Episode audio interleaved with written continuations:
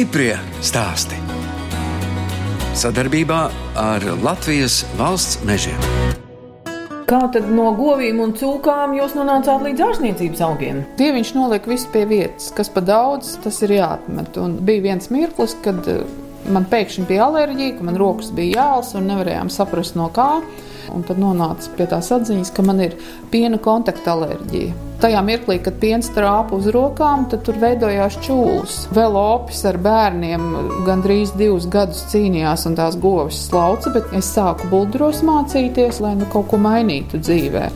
Bet eh, ne jau tikai ārstniecības auga, mums ir arī puķis. Tā stāsta Jaungavas novada Platonis pagasta dārziņu saimniece Indra Prieciņa. Es, žurnāliste Daina Zalamane, šoreiz tikos ar lielu ģimeni. Dārziņos kopā dzīvo un saimnieko trīs dzimtas paudzes. Indrai lielākais palīgs ir meita Līga, kas beigusi doktorantūru, mācījusies ķīmiju un pārtikas zinātni. Saimniekot palīdz arī Indras vecāki Jānis un Valda Puikevici un dēls Mārtiņš. Bet māju dārziņi pagājušā gadsimta 30. gados nopircis Indras vectēvs pēc profesijas skolotājs, lai netālu no Jāgavas pašiem būtu sava lauku māja. Tad, kad piedzima pirmais dēls, viņš, kā jau normāls vīrietis, viņš teica, nē, nu vajadzīga mājas vieta, un tāpēc iegādājos šo mazo īpašumu. Kā jau skolotam dārzniekam bija stāda audzētava, viņš audzēja ābelītes, bija siltumnīca, arī, cik es zinu, palmas ir audzējis. Kaut kādā 39. gadā, laikam, kad bija tā augstā ziema, un tad bija apsals māju pirka pavisam mazu būdiņu un tai apkārt būvēja, tāpēc mums arī mājā tas plānojums nav tāds diez cik parocīgs. Tad bija karš un, un ģimenē jau bija trīs bērni. Kara laikā veco tēvu ievainoja, pie mājas te sprāga bumba, un viņš pēc tam līdz dzīves beigām mocījās ar šķembām. Māma apprecējās ar savu klases biedru. Pēc vidusskolas Opis dienēja armijā, Opim bija dienests Ukrainā, un es esmu dzimusi Ukrainā. Un tad uh, tika atpakaļ uz Latviju 65. gadā. Opītam piešķīra dzīvokli pilsētā, bet tās vasaras tās jau ir šite. Martā mēs jau pārcēlāmies, un tad līdz novembrim, kamēr visu notirgoju. Jo tajos laikos jau varēja gan tos ābolus pārdot, gan tās plūmus, gan bumbiešu, cik nu mums te apkārt bija, jo zeme bija ļoti maz, ļoti ekonomiski viss tika plānots. Pavasarī bija lociņi, tad bija atraitnīca. Tās atceros, ka man teica, tā tev maz pirkstiņi, tu ļoti labi vari izpiķēt, dēlīts pārdobēji. Tup uz tā dēlīša un piķē tās atraitnīca. Tad jums bērnība saistās jau ar tādiem dārzkopības darbiem. Dārzkopības darbiem, jā. Nu, vecais tēvs bija agronoms pēc izglītības. Viņš bija Pirmā pasaules kara laikā devušies bēgļu gaitās uz Ukrainu. Un tad Umaņas lauksaimniecības skolā viņš bija iegūs izglītību. Es beidzu Jelgavā otro vidusskolu, tagad valsts ģimnāziju, un pēc tam lauksaimniecības akadēmija ekonomists. Vienīgais, kas mums nebija, mums nebija meškopība, bet mums bija gan agronomija, gan arī veterinārijas pamati, zootehnika, mehanizācija. Tas viss, tad, kad es sāku saimniekot, man ļoti noderēja. Platones pagasta dārziņi atrodas tikai puskilometru no Jāgavas robežas. Saimniecība dibināta 1992. gadā, sākuši ar 15 hektāriem un dažām govīm. Bija vienu brīdi ļoti daudz uh, govju, govs un teļi 24. Arī 24 cūkas ir bijušas. Gan pīles, gan vistas, gan zosis, aitas. aitas. Mums vienīgi kazas nav bijušas. Jā, saka, pēc kara bija. Kādreiz bija arī vizītkartes, kur Oma bija saimniecības daļas vadītāja, un Ops bija Pārvalde. saimniecības pārvaldnieks. Nu, un tad es domāju, ka tā lauksaimniecība bija tāda ļoti laba skola bērniem. Viņi varēja iepazīt, kā tas cālis šķiļās, kā visi tie lopiņi aug, tādi kuriozi arī, kā mūsu teļus bērni ir pieņēmuši, kad vecāki nav mājās. Un tad vienu vasaru Opis ar Omu aizved piena analīzes uz pagastu. Tiem nojukus mašīna, tie netiek mājās. Man ir arī radu puikas ciemos visu vasaru. Viņi saka, puikas aizgāja teļu pieņemt, bet vēl nav. Atbrauc mājās, man sēdz vidū iznāk Mārtiņš, tā rokas gar sāniem noslauka. Viņš saka, mamcīt neuztrauciet, pieņēmām. Izrādās, ka lielie puikas ir ņēmuši vagu. Mārtiņš jau zina, kā tie teliņi jāpieņem noslaucījuši, jā, govi pie pupa, viss kārtībā. Līga, jūs tādu gadījumu atceraties, ja bijāt pārāk maziņa? Es vēl salīdzinoši tajā mirklī vēl biju maziņa. Kā mazs bērns lielākoties skrien pakaļ teļiem, šeit tad aizved uh, govs uz ganībām. Un arī slaukt ir sanācis. Lielākoties slaucām ar rokām. Govs bija jāslauc arī pirms skolas, ejot. Sešos, piecos no rīta, kā gadījās, mums te bija uz maiņām vecais tēvs, Jānis, es un uh, Mārtiņš. Viņa saka, ka viņai ļoti grūta bērnība, jo pamperi nav bijuši. Māma devusi graust zaļus burkānus un kāļus, un ravēt viņu sākus tad, kad viņa vēl tikai rāpojusi.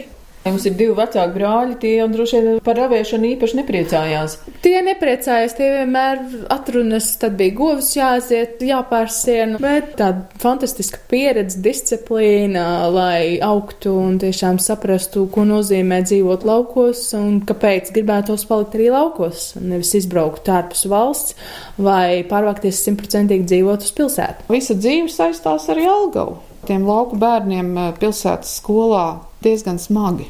Jo, ja puika aiziet uz skolu un palielās bērniem, ka viņš slauc govis, pēc tam bērni diezgan nežēlīgi apceļ, kad citi bērni kaut kur braukā pa vasaru un manējiem te ir sienas jāvāc. Bet tā bija, kā mamma teica, ka apsmēja skolā. Uh, jā, lielākoties tomēr no laukiem nebija tie turīgākie bērni.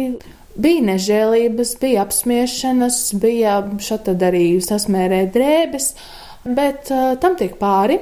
Tas norūda raksturu, tu esi cītīgi strādājis, menedžējis savu laiku, tad ir pelda basēns, tad ir dejošana, tad ir dziedāšana. Celies un ej un dari. Mārtiņš Līga dziedāja korī, viņi tika arī kaut kādā piektā klasē, jūs gājāt, bija pirmie dziesmu svētki skolēnu, un tad jau bija āķis lūpā, tad jau ļoti gribējās dziedāt. Pirms skolas bija tas bērnu komplekss Junda, mums ļoti labs bērnu jauniešu centrs. Tur ansamblīšos dziedāju un dejoju, un tad skolā bija modernās dejas. Līdz tam brīdim, kamēr nebija jāpērk speciālai tērpi. Jā, es domāju, tur ir liela ieguldījuma. Eh, liela ieguldījuma mēs arī laidām tik ilgi, kamēr varējām melnos svārkos, baltā blūzītē un nevajadzēja speciālās kurpes. Bet tas nostiprināja stāju. Un tad visi tie pulciņi, ar kuriem varēja kaut kur tikt, Līga tika trīs gadus, tāpēc, ka viņa bija gājusi angļu valodas pulciņā no bērnu jauniešu centra. Viņa tādā projektā bija, kur meitenes brauc uz ārzemēm, bija nometnes. Jūs jau man teicāt, ka vīrs jau miris pirms 20 gadiem. Jā. Bet viņš jums ir devis skaistu uzvārdu, prieciņa. Tas ir vienīgais, ko viņš man mantojumā ir atstājis. Uzvārdu un trīs foršus bērnus. Tas ir daudz. Jā, mēs bijām klases biedri. Kopā mācījāmies arī lauksaimniecības akadēmijā. Tad bija laiks, kad uh, saslim un, un vēzis. Reizēm var izārstēt, un reizēm nevar. Laukos dzīvo tās stiprās sievietes, jo es jau šad un tad satieku sievietes, kurām vīri ir minuši, saimniecība turpina tās sievas. Diez kā būtu bijis ar to turpināšanu, ja man nebūtu opis un ome un mans brālis, kuri palīdzēja gan bērnu audzināt, gan skolot, gan arī darbos. Brāļa draugi brauc mums palīgās sienu vākt. Opim darba kolēģi ir braukuši bietas ravēt. Opim un Ome ir fantastiski klases biedri, kuri vienmēr ir tā dzīvojuši līdz visiem mūsu kāpumiem, kritumiem un laika apstākļu ietekmēm. Un Opis mums ļoti palīdzēja tad, kad Līga mācījās augstskolā. Pirmajā gadā vajadzēja vest uz vilcienu, jo autobuss no rīta tik agri negāja. Un Omi vienmēr mums ir bijušas pusdienas un ir svētku torte un kūkus. Ome mums ir ar līgu iemācījis ļoti daudz tādus praktiskus darbus. Mēs mākam konservēt, mēs mākam ēst taisīt, mēs mākam arī daudz ko no rokdarbiem. Tā kā katrs kaut ko te ir ielicis, un mans brālis atkal ir ļoti daudz palīdzējis. Tad mirklī, kad varbūt ar naudu bija švakāk, līgai tiesības nolikt un, un puikām. Līga krāja naudu. Priekš studijām pavasaru viņai bija savs lauciņš ar puķiem, veda Rīgā uz nakts tirgu. Mēs nebraucam ar dārgām mašīnām. Mums ir uh, mašīnas par 100 eiro. Puikas mākslinieks sataisīt. Mums nevajag ekstras. Mēs varam pieticīgi dzīvot. Bet studijas jau bija bez maksas jums. Studijas, jā, jā bet viss, protams, pārī izdevumi, kā tikšana līdz tai Rīgai, gan arī pēc tam tālāk doktorantūrā. Tās ir papildus izdevumi, un tad ir jāsaka paldies, kad ir zemīte. Un mēs pieticīgi dzīvojam, lai varētu sakrāt. Arī doktorantūrai ir nepieciešams sakrāt naudu, lai aizbrauktu uz tām pašām konferencēm, publicēt savus rezultātus. Un visu vasaru strādā, sapelni naudu. Paldies Opa Momei, mammas brālim Artim un mammai, tas tā ieaudzināts, ka tu vari dzīvot arī pieticīgi. Tev nevajag ekstras, tev nevajag ņemt kredītus. Jo es arī, piemēram, pati visas studijas bez nekādiem kredītiem, un arī Eiropas stipendijas es dabūjusi maģistratūras laikā, pateicoties tam, kad es esmu gājis uz papildus mācību kursiem, lauku konsultāciju centrā, gan arī dažādi, kas ir bezmaksas kursi. Tā liela ir tāda Eiropas stipendija? 2010. gadā tie bija 300 lati vienu gadu es dabūju. Tas ir liels atbalsts, bet doktorantūras laikā atkal nekādas stipendijas vairs Eiropas nebija mazā valsts stipendija tajā laikā bija 100 eiro. Stiprie stāsti!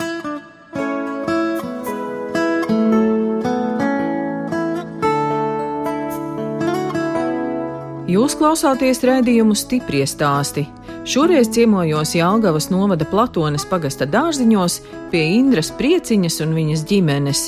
Viņi apsaimnieko 35 hektārus zemes un divos hektāros audzē ziedus, ārstniecības augus un garšaugus.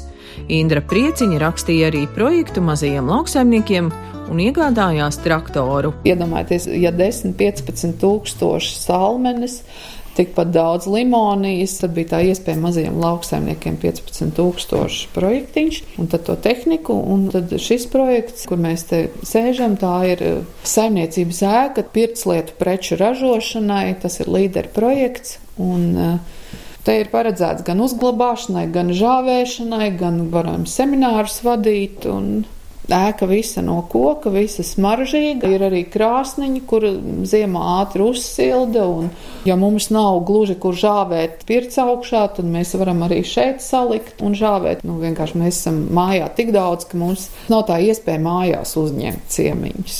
Un tad tie ārstniecības augti pienāca līdz ar projektu. Un arī tāpēc, ka daudz kas no tām puķiem, kas paliek pāri, noderētu arī pirtslietās jo kliņģerīti var izmantot, rudus puķi var izmantot. Samtenītes var izmantot, un ārstniecības augi nav katru gadu jāstāda visi. Viņi tomēr ir daudzgadīgie. Dodamies uz pirti, kur žāvējas ārstniecības augi. Vai kā te nu smaržo? Te ir arī pirtslotiņas, izopu var izmantot pirtslotiņās, un salviju var izmantot agrāk es tā nekad nepiefiksēju, bet tagad es doktoru Tereško kaut kādu grāmatu izlasīju, ka nevajag uztraukties, ka zirneklīši. Izrādās, ka pilns ar kukainīšiem dzirneklītim ir ko ēst. Un jums jau arī labi, ka tos kukainīšus apēd. Nu, protams, jā. Kas ir šitie ar tām rozām? Šī ir, me, šī ir meža malva. Laba tad, kad kakls sāp. Tiem, kam daudz jārunā, esot jādzer meža malvas tēja, šis ir amoliņš. Viņu arī var kāju vannošanai izmantot. Mēs jau tādas dzeršanai tējas eh, neaudzējam, jo tur ir atkal citi noteikumi. Mēs vairāk tādu tiešām, ko pirtī varētu izmantot. Pirtiņā žāvējās puķis, te ir samtenes un te ir salmenītes augšā. Ļoti karstā nevar likt, ne vairāk kā 40 grādus. Mēs arī vasarā tā kurinam, lai uzsilst boilers, lai paši varam nomazgāties un tad saliekam puķis. Te ir tāds metāla sietiņš, lai tās puķītes tā skaisti var nolikt. Jā, metāla sietiņš ir, lai tā puķīte būtu ziediņš uz augšu. Es tā kā arī ar floristiku nodarbojos, tad kādreiz taisam advents vainagus smaržīgos no samtenēm. Miksējam tās krāsas un lai tas ziediņš būtu tāds nu ritīgs, jo ja viņi pakar gaisā kājām, tad viņš viss sakrīt krīt uz leju, un tad nav tas smukums. Bet uz lauka vadziņās sastādīti dažādi eksotiski garšaugi. Šeit jau citronu zāle. Tā, ko liek pie tām. Austrumu garšvielām, jā. Ļoti garšīgi gurķi, ka marinē. Un arī tad, kad kaut kādas gaļas šmorē, ja citronu zāle pieliek, tad tā garša tāda, ka tā kā būtu citronu miziņa pierīvēta. Nu, un tad blakus vēl ir arī citronu verbena. Ļoti, ļoti spēcīga citronu aromātu, kā garšaugs pa lapiņai kaut kur klāt, jo viņiem ļoti, ļoti spēcīgs tas aromāts. Nu, man jau pašai vispār patīk viss tas, kas ir kaut kas tāds citronīgs. Nu, tad mums vēl ir kaķmētra, kas tā kā pēc citrona smaržo, un tad ir citrona piparmētra Visas vagas tiek ravētas ar rokām. Visas vagas ar rokām, ķīmiju nelietojam. Lietojam minerālu mēslus gan stāda audzēšanas stadijā. Kalcija nitrātu mēs pavasarī iedodam, lai to sakņu sistēmu stiprinātu. Liela problēma strādnieki, un šogad es nonācu pie secinājuma, kāpēc tas ir. Jo lielākā daļa strādnieku ir vai nu kaut kādu kredītu jūgā, vai alimenti parādnieki, līdz ar to viņiem nav izdevīgi, tad, kad viņiem maksā oficiāli. Ir šī labā lieta, kas ir sezonas laukstrādnieki, ka tu no rīta pieregistrē un vakarā tu atkal pieregistrē jo man gluži visas dienas varbūt arī nevajag. Pietiktu, ja man viens cilvēks no aprīļa līdz kaut kādam septembrim. Un vienu cilvēku tuvumā pie Jālgavas atrast ir grūti? Atrast ir ļoti grūti, lai es maksātu ļoti lielu algu. Tad ir tik ļoti čakli jāstrādā, varbūt tāpat kā Anglijā un Īrijā, bet šeit te nevienu tā nedzen. Ja agrāk bija skolēni un mācīja ravēt, tad tagad reti kurš māk ravēt. Mēs kādreiz skolas laikā ravējām tur bieži hektārus, tad tagad praktiski tādu ravētāju vairs nav. Ļoti daudz vecāku uzskata, ka bērniem ir vasarā jāatpūšās. Tas darbs jau viņam būs par smagu. Nu, nav man te nekas tāds smags. Buntīts, griezt, jeb ravēt, es domāju, ka tas nav smags darbs. Indras meita Līga prieciņa studējusi ķīmiju un uztura zinātni, un šogad lasīs lekcijas gan Latvijas universitātes, gan Rīgas Stradiņu universitātes studentiem. Viņa no mammas audzētajiem augiem pirms gada sāka gatavot dažādus kosmētikas produktus. Mums ir gan attīrīšanai, sejai, ķermenim, skrubīši, ziepītes, tad ir maskas, un tad jau atkal ir kaut kāda zālīša uzlējuma, ko mēs varam izmantot. Te ir lielas burkas ar dažādiem ārstniecības augiem. Šī būtu piparmētra, un mums ir arī sīrijas raudene. Oh. Daudzi pazīst viņu kā oregano. Aromāts uh, sīrijas raudenē ir stipri intensīvāks. Piemēram, mūsu zālīšu maisījums ar raudeni. Mūžīgā problēma - svīst kājas, sprēgā, nogurums. Zālīšu maisījumu mēs paņemam pāris karotes, pievienojam sāli un siltā ūdenī pamērcējam 10-20 minūtes. Zālītes atkal mums mīkstina ādu un veicina dzīšanas procesu. Ziepīts ir tādas tumšā krāsā. Tādēļ, ka mums lielākoties augi ir tumšās krāsās, mums ir zaļi toņi lielākoties, gaišāki toņi, tad atkal ir piemēram kliņģerīte, kumelītes, bet mēs neliekam nekādas ētriskās eļļas, krāsvielas. Šīs, piemēram, ko pašlaik pasmaržojām, tās ir ar skrubīšu efektu. Samalts augs un pievienots eļļas un spirta izvilkums, lai dotu gan krāsu, gan smaržu un arī pišķītni tekstūru. Un mēs izmantojam glicerīnu masu. Tas ir jau standartizēta masa. Ceļojuma ziepītes mēs viņus saucam maziņas, maziņas ziepītes. Un ir arī maziem bērniem ar pīlītēm un lācīšiem. Tur pamatā ir kliņģerīte, žasas krēsliņa, kumelīte, liepziedi. Un kas šeit ir? Te Ķermeņa skrubīši. Mums ir trīs varianti sausais. Kā pulvera veidā. Pulvera veidā. Mums vēl ir tādas variants, kad ir cukurskrubis. Un sāls jau tas ir visa veida variantiem, un arī smarža ir dažāda. Tas tāds tiešām eksperiments. Mums vēl ir testu grupas, labākie draugi un ģimenes locekļi, kas tiešām palīdz, ko varbūt papildināt, vai kaut kādu smaržu bišķītim prasās vairāk vai mazāk. Tagad jaunākais produkts mums ir hidrolāti. Tie ir ziedūdeņi, un destilācijas procesā mums iznāk viss labums, ko var tiešām lietot ķermeņa atsveidzināšanai, un arī tādu kā, piemēram, salviju un izops, kas palīdzētu arī pret svīšanu. Līga kā šajās lietās ir ar konkurenci, jo man liekas, ka Latvijā nu, ļoti daudzas dāmas eh, nodarbojas ar šādām lietām. Tieši tā, bet ir nepieciešams zināšanas gan anatomija, gan arī farmakoloģija, gan arī ķīmija. Mums ir tāds izteiciens starp cilvēkiem, kam ir tiešām izglītība, tie pārējie, kas ir bez izglītības, tie youtuberisti vai Pinterestā visu noskatās. Dizaina izstrādes tas viss vēl turpinās, un arī iepakojums pieņemam turistu grupas, lai pastāstītu, kā veidot, kā droši lietot kosmētiku un arī ārstniecības augus, un kādās kombinācijās ko var likt. Stiprie stāsti!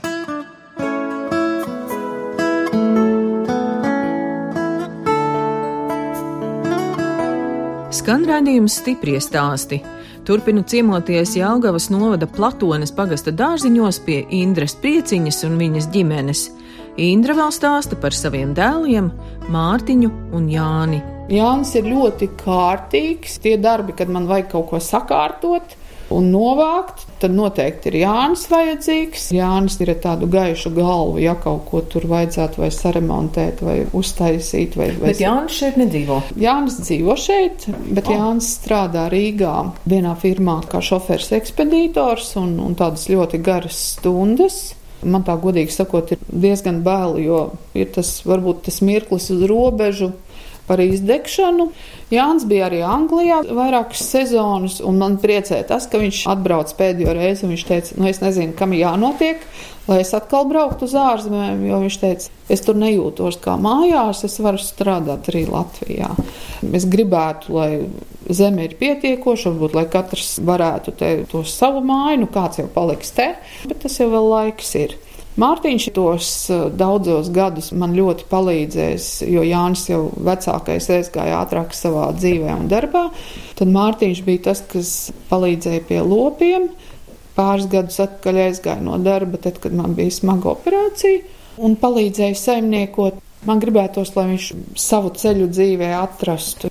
No trīs bērniem vēl nevienam nav ģimenes. Jānim bija ģimene. Un mazbērniņi ir. Kāds? Nav ļoti, ļoti gaidu, bet viņi laikam nezina, kā pie viņiem var tikt. Sarunā iesaistās arī Indras vecāki Jānis un Valda Puikevici, kas ir liels atbalsts saimniekošanā. Tā jau ir tāda sūtība, kad kaut kas jau jaunākiem jānodod, ja viņi ņem pretī to visu. Tagad viņi mūs atbalsta, palīdz mums tās vecumdienas kaut cik gaišāks pataisīt. Tagad viņi mūs komandē. Tas laiks ir beidzies, ka mēs viņus komandējām. Bet jūs jau tāpat vēl kaut ko palīdzat, ja vajag saimniecībā. Manā ziņā ir nodots divas siltumnīcas. Un kas tur aug puķis? Nē, tomāti. Vienā tomāta, otrā gurķa liela ģimene, jums jau arī viss kaut kas jāizaudzē pašiem, vai ne? Tagad es tikai pamanīju, cik smalki te jau ir pilienu veida laistīšana, nav šautā. Jā, jā, jā. jā. ļoti ilgi ops pretojās tai pilienu laistīšanai, vienkārši nopirku un salikā. Bet, kad nav laika, tad viņi ir labi. Ieslēdz un viņi pie paša tomāta aplē. Bet tur pa vidu tomēr paliek savs, tā sakne jau pa visu to kastiet. Un šito visu jūs paši apēdat? Jā katrs dienā kilogramu noēdam tomātus. Opītim ir brāļi vēl un māsa. Un tad maniem bērniem ir māsītes un brālēni. Un vēl kā es saku, mēs mainām tomātus pret kafiju. Jo visi tie, kas atbrauc ciemos ar kafiju, nu mēs kaut, kaut kas jau jādod. Te jau stāstīja, ka jūs gatavojat pusdienas. Kas visiem vislabāk garšo, ko jūs gatavojat? Katrs grib savu. Vai? Tā ir tā lielākā nelaime. Bet jūs tak neļaujieties. Katram savu nevārat. Nē. Ir viens ēdiens, kas visiem garšo. Kartupeļi, latviešu ēdiens. Zimņa arī. Un gaļa. Kā jau visiem latviešiem gaļa klāt. Un kādu gaļu te jūs taisat? Cūkas gaļu. Bet redz, tur jau ir tā jēga, tā kopā dzīvošanai. Vienam otru atbalstīt, palīdzēt. Visi mani radi un draugi brīnās, kā mēs vienā mājā sadzīvojam trīs paudzes. Tas vairs šodien nav tik izplatīti. Ja? Jā. Ir jau domstarpības, un katram gribās savu taisnību pierādīt. Un padoties neviens negrib. Redz? Bet tagad jau saimniece meita, vai ne? Kā meita teiks, tā būs. Es domāju, ka mēs šādi viņu pārliecinām arī, kā mēs domājam. Nu, jums droši vien ir liels prieks par to mazmeitu, ka jūs viņu tā tur uz to staciju vizinājāt, un tagad jau ir doktore. Jā, nu man jau vajadzēja arī vismaz bakalauru dabūt. Pat to vien, cik es viņai priekš eksperimentiem te gatavoju tās izaivielas. Ķīploki, sīpoli, dilles, pētersīļi. Ā, tā jūs palīdzējat viņai to doktora grādu dabūt, nu, jā? No, tāpēc saka, man vismaz vajadzēja bakalauru, bet nekā. Neiedeva. Neiedeva. Kā meitai iet ar to saimniekošanu? Varēja iet labāk. Un to palīgu viņai, godīgi sakot, nav visai daudz. Ja es pagājušajā gadā viņai divu hektāru vēl varēju izkaplēt puķus, tad šogad es jau vairāk to nevaru. Drusciņi pa daudz viņai ir visa kā. Atpūšoties no darba saimniecībā, Indra, viņas meita Līga un dēls Mārtiņš dzied Jaugavas korī Zemgale. Kur tradīcijās ir, kad ir jaunieši, kas ir vidusskolas, pamatskolas, kad ir vecāki saviem bērniem un vecākiem, kur izbraukumi, agrāk bija arī nometnes un dziesmu svētki. 19 gadus atpakaļ jau pirmo reizi dziesmu svētkos. Un visos dziesmu svētkos esat bijusi? Tiešām bez pārtraukuma arī vidusskolas laikā, kurī skalos dziedāju pie Guns Paškovskas. Arī mana mamma dziedāja. Augstskolas laikā arī atrodam tomēr laiku izveidot galvu, atpūsties. Jo visu laiku mēs nevaram tikai strādāt vai tikai mācīties, arī nepieciešama atpūta. Cik bieži mēģinājumi Visu laiku bija divas reizes nedēļā. Pagājušajā gadā mums pievienojās jaunieši, nu, lai visi tiktu. Tad bija tāds kompromiss, kad mēģinājums garāks un, un vienreiz nedēļā. Redzēs, kā šogad atkal būs. No 2008. gada mēs visi trīs dziedam korī zemgalē. Tas ir ilgs stāsts un daž, dažādāki piedzīvojumi, braucieni ārzemju un tuvāk un tālāk. Un tas ir tāds foršs saliedēšanās pasākums un ir jauni draugi. Šogad mēs esam sākuši tādu lietu kā talks, jo tad mirklī, kad ir lielāks apjoms, nevar visu izdarīt. Un ir ļoti daudz ārstniecības auga arī, kas vienlaicīgi sāk ražot un ir uh, nepieciešams darba rokas. Un kas brauc uz talkām? Radi draugi. Mums arī kora fantastiski draugi, mums tādas kopējas intereses, un tad brauc palīgā. Tas tāds foršs tusiņš, ne tikai strādāšana, bet arī patusēšana pēc tam. Pēc tam ieiet pirtī un notestē jaunos skrubīšus, jaunās maskas, un tā ir tā mūsu testa grupa. Ko jums vēl patīk darīt brīvajā laikā? Es uzēju augšā no rīta. Savu biblioteku. Jā. Jā. Man tur kompjuters ir te ziņas paskatos. O, te jūs tāds mūsdienīgs. Jā, jā. Popis. Nu, iemācīja mazmētiņu.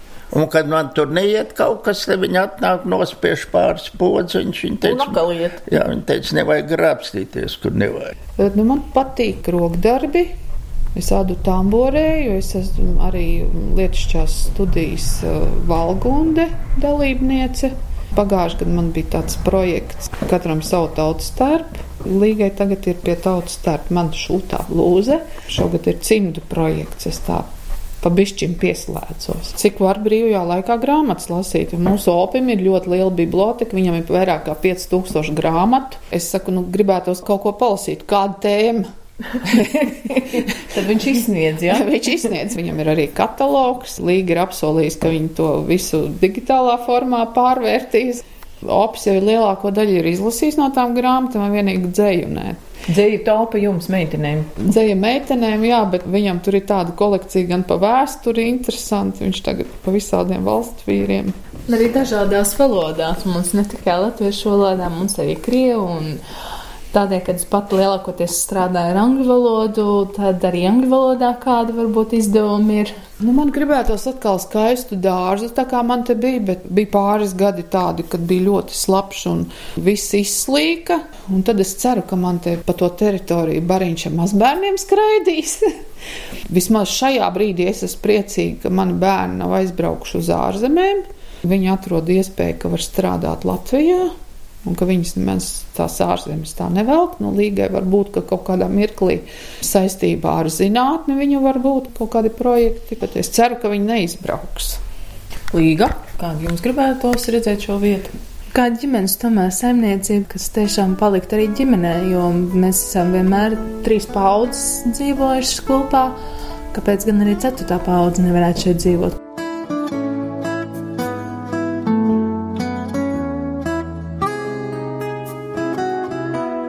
Redījums stipri stāsti izskan, un mēs atvadāmies no Indras prieciņas un viņas ģimenes, kas dzīvo un saimnieko Jāgavas novada Platonas pagasta dārziņos. Viņi audzē puķes, ārsniecības augus un garšaugus un gatavo skrubjus, ziepes un citas pirts lietas. No jums atvedās žurnāliste Daina Zalamana un operātore Inga Bēdele, lai tiktos atkal tieši pēc nedēļas.